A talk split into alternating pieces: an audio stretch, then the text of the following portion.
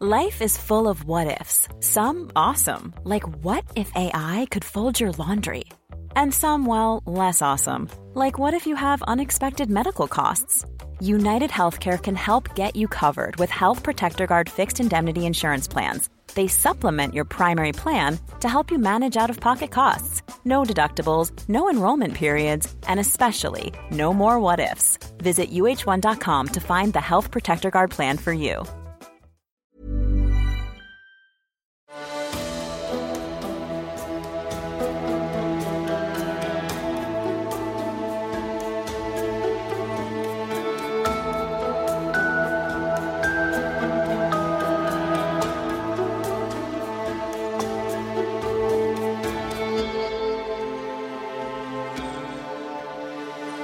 Velkommen til Seriemorderpodden, podkasten dedikert til seriemordere. Hvem de var, hva de gjorde og hvordan. Jeg heter Thomas Rosseland Wiborg Tune, og i kveld fortsetter vi sagaen om, etter mitt syn, verdens mest sadistiske seriemorder, Robert Berdella. Hans fortelling er ekstremt brutal og jeg minner om at også i denne episoden blir det grafiske beskrivelser av ubegripelig grusom vold, tortur, voldtekt og mord.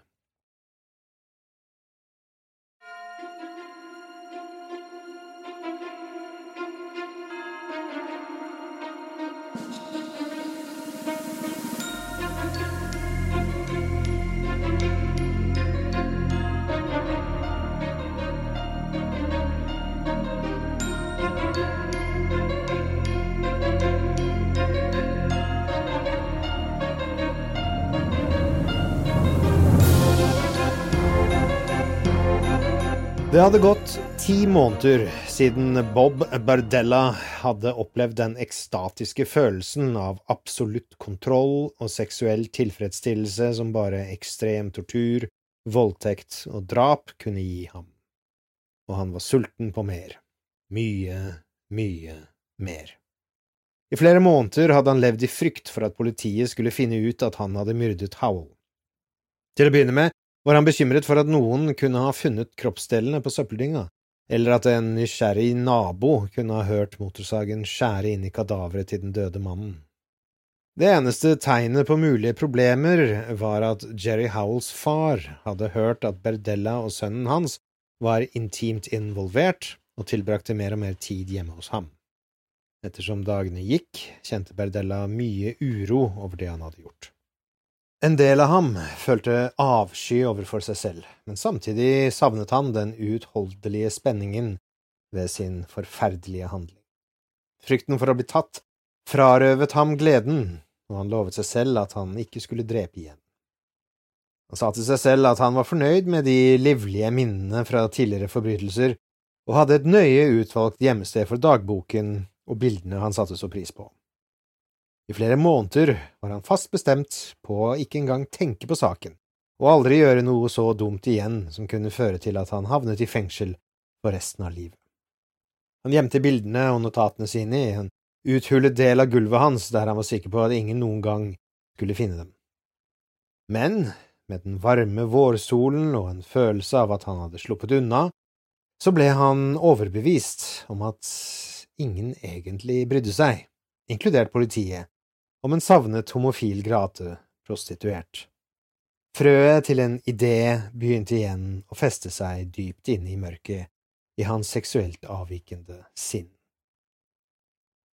Flere ganger om dagen så han på bildene han hadde tatt mens han torturerte, voldtok og myrdet Howell, og onanerte til minne om hans erobring.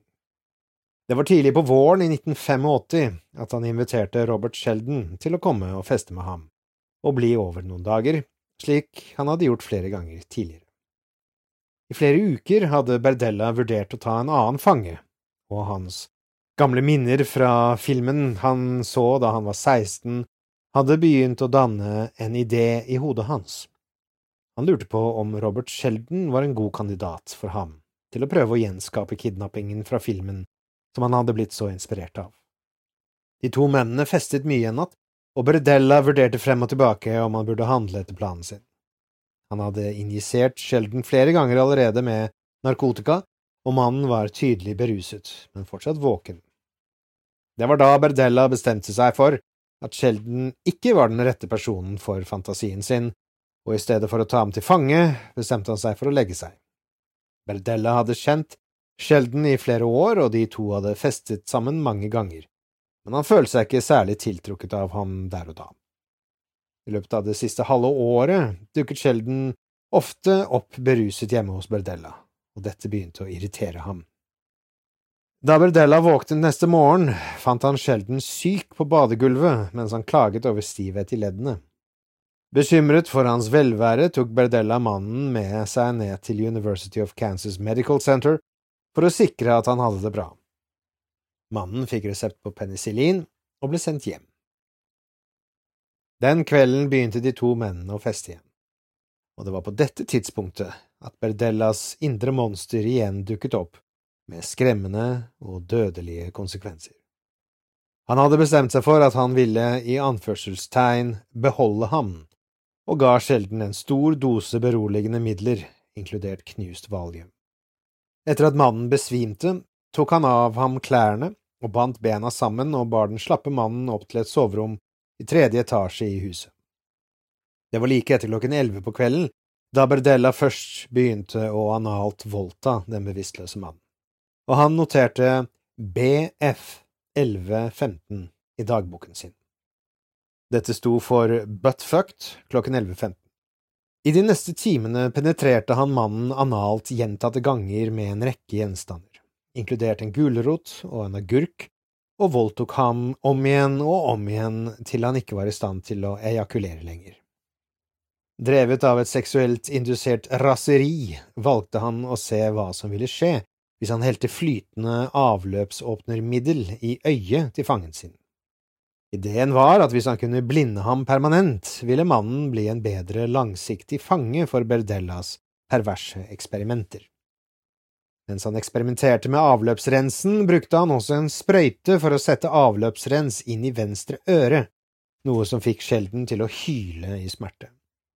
Han noterte i dagboken sin DCLE, som sto for avløpsrens i venstre øye og venstre øre. Sheldons smertehyl tjente bare til å begeistre Berdella mer, og hans ønske om å påføre fangen sin smerte begynte å eskalere. Ved hjelp av en tang og en hammer knuste han benene i Robert Sheldons hender mens han strøk ereksjonen sin. Han visste at han risikerte å bli oppdaget hvis en nabo eller forbipasserende skulle komme til å høre bråket så han gav Sheldon motvillig mer beroligende midler for å hindre ham i å lage støy. I fire dager voldtok og analt penetrerte han den bundne mannen gjentatte ganger, slo han ofte ubarmhjertig med et stålrør og injiserte ham med kjemikalier og narkotika. Han kneblet ham med en klut og pianotråd. Sistnevnte gjorde at mannens munn fikk store, smertefulle sår i munnvikene. Berdella ignorerte Sheldons bønner om å stoppe, og fortsatte sin systematiske voldtekt og tortur av den mer og mer ødelagte kroppen hans. På et tidspunkt bestemte Berdella seg for å tatovere ordet hot på baksiden av mannens venstre skulder med en brennende varm kleshenger. I løpet av et nytt øyeblikk med bisarr kreativitet med torturmetodene sine brukte han silisium vindusliming for å fylle ørene til Sheldon i et forsøk på å frata ham hørselen. Berdella var skuffet dagen etterpå da fugemassen falt ut, ettersom den ikke festet seg til det indre øret til offeret. I stedet ble han mer og mer fascinert av nåler og å injisere byttet sitt med en rekke stoffer, men begynte også å eksperimentere på Sheldon med det han kalte i anførselstegn bisarr akupunktur. Dette inkluderte å stikke den bundne mannen på en rekke steder på kroppen inkludert testiklene og under neglene, bare for å se hvordan han ville reagere til tross for de tunge, beroligende medisinene han var dopet med. Etter hvert som Berdella ble mer og mer kreativ med sine torturmetoder, begynte han å se sin seksuelle nytelse og smertepåføring bli mer parallelle.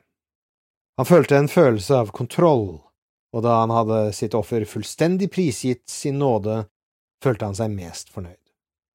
Som med Howell tok han hundrevis av polaroidbilder og gjorde enda mer detaljerte notater om hver form for tortur han utførte, inkludert hvilke stoffer han administrerte.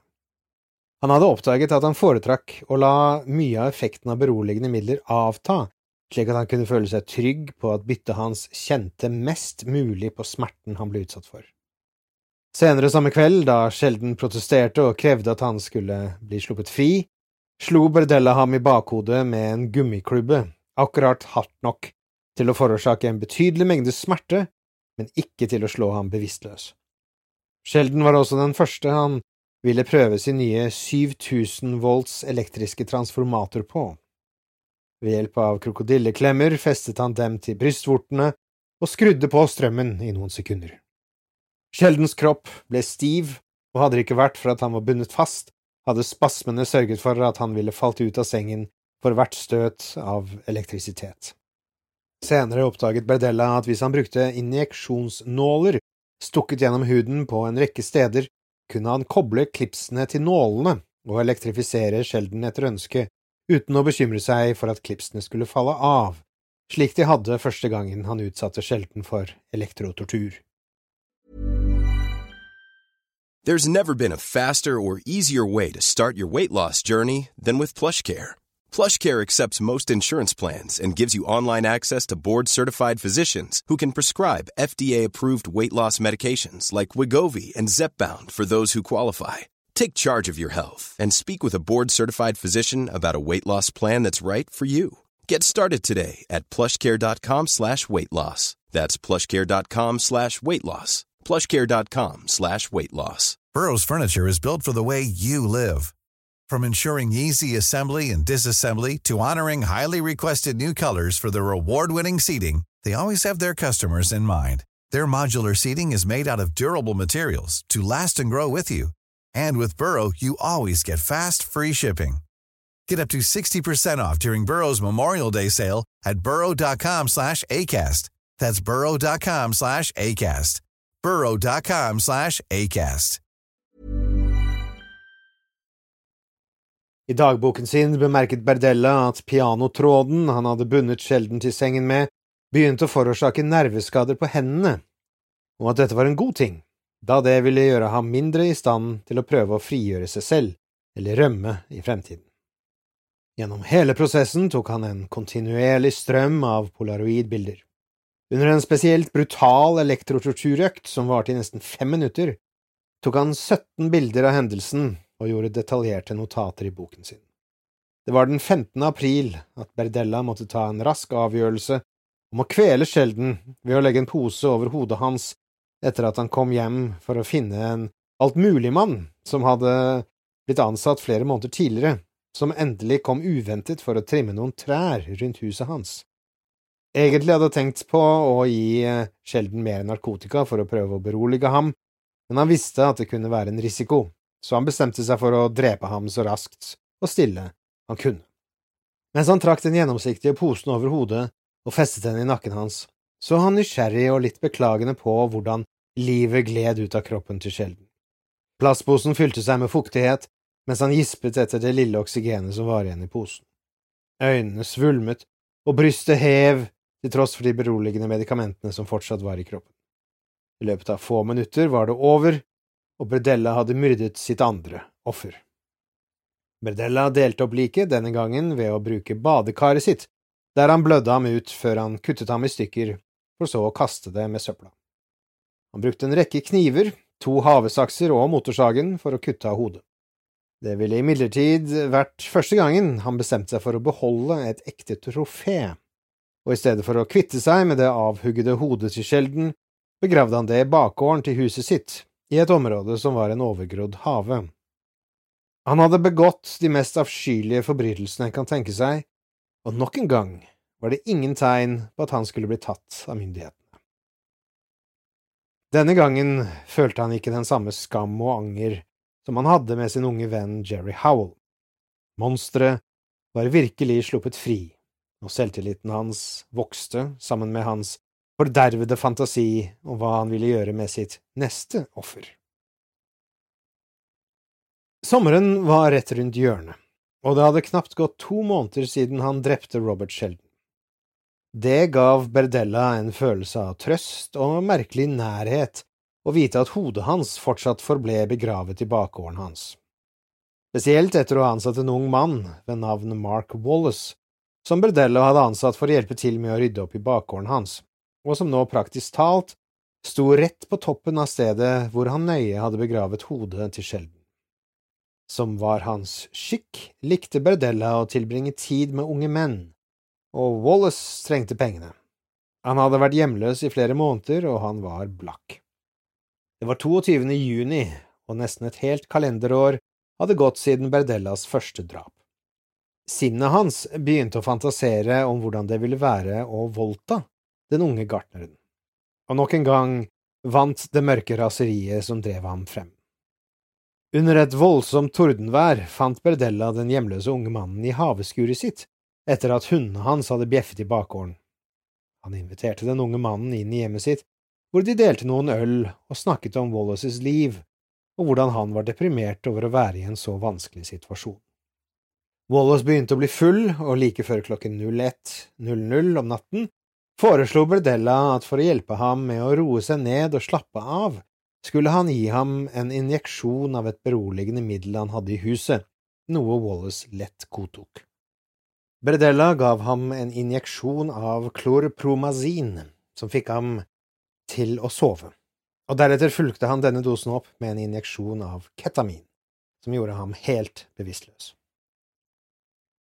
Med Wallace bevisstløs tok han deretter av mannen klærne, bandt hendene sammen og rullet ham over på sofaen, der han gned penisen mellom baken til mannen til han ejakulerte.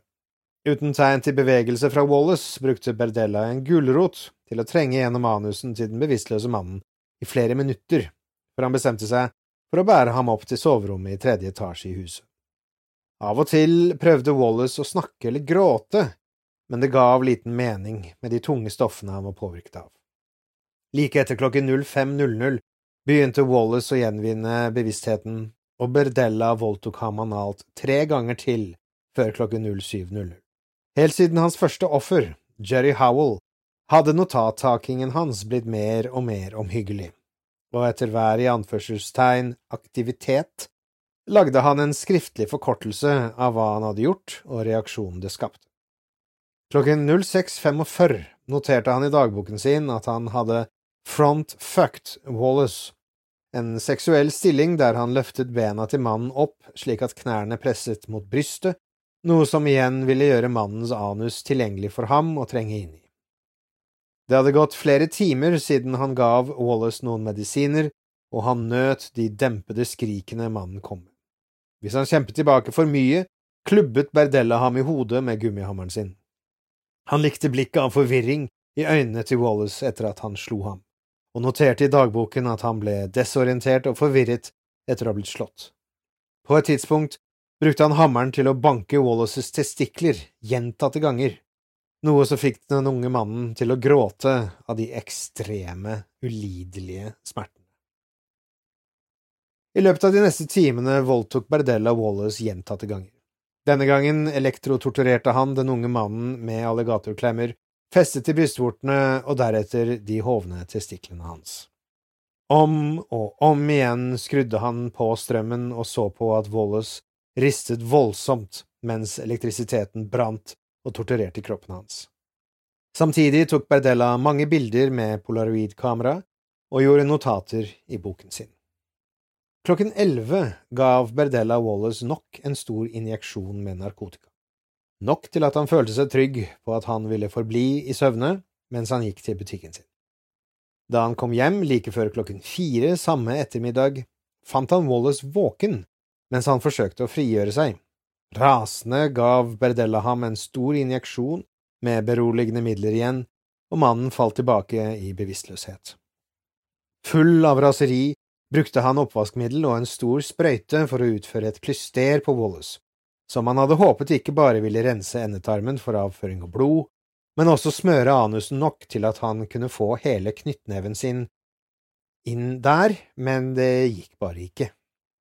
Da han skjønte at han ikke ville være i stand til å dytte hele knyttneven inn i endetarmen, stoppet han opp for å skrive ned S og W i dagboken. Dette sto for såpe og vann klyster. Gjennom natten fortsatte han å analt voldta og torturere Wallace. Han brukte sylskarpe sprøytenåler for å stikke kroppen hans. Hver gang nøt han reaksjonen Wallace fikk da han traff en nerve eller et spesielt følsomt punkt på kroppen, for eksempel testiklene eller øyeeplene. Hvis han fant et spesielt smertefullt sted, noterte han det ned for å sikre at han kunne huske det for fremtidig bruk. I løpet av natten fortsatte han å injisere Wallace med mer narkotika, og akkurat da solen hadde kommet opp, innså han at torturmetodene hans ikke lenger hadde noen effekt på offeret sitt. Han sjekket etter puls og skjønte at Wallace var død. I dagboken noterte han, og jeg siterer, 7 a.m., no signs of life. Det var 23. juni 1985. Den kvelden skar Berdella opp Wallace i biter og pakket dem igjen forsiktig inn i plast før han la dem i tomme hundematposer og deretter i grønne søppelsekker, som han tok med ut til fortauskanten til søppelmannen, som plukket de opp morgenen etter. Han memorerte registreringsnummeret til søppelbilen og noterte det deretter i dagboken sin. Berdella følte seg skuffet. Wallace hadde bare vart knappe 48 timer, og han begynte å innse at hvis han virkelig ønsket å holde en av, i anførselstegn, sexleketøyene sine fange på ubestemt tid, kom han til å måtte trenge å lære seg å kontrollere raseriet sitt, slik at de ikke døde så raskt. Han begynte å tenke på måter han kunne få ofrene til å holde ut og overleve lengst mulig i fangenskap og tortur, før han, selvfølgelig, kunne drepe de. Drap var ikke hovedmotivasjonen for eh, Berdellas bestialske handlinger, men han følte heller ikke noe som helst anger over å ha drept tre mennesker. Bedella var overrasket over sin egen evne til å påføre smerte, og selv om han hadde onanert gjentatte ganger til bildene han hadde tatt, hadde han også levd i frykt for at han skulle bli tatt. Det andre drapet, det på Robert Sheldon, hadde vært et resultat av mye planlegging. Da muligheten til å ta Wallace bød seg, var det ingen slik plan på plass, kun et seksuelt drevet raseri som gav et kortvarig utløp for fantasiene hans, men han ønsket noe mer. Det han drømte om, var en langtidsfange som med tiden skulle lære å adlyde villig hans ethvert krav og underkaste seg alle hans fordervede innfall. Og med det, kjære lytter, kommer vi til slutten av del to i sagaen om Robert Berdella. Neste episode tar vi for oss fortsettelsen av sagaen, så som de sier i Radioland, følg med.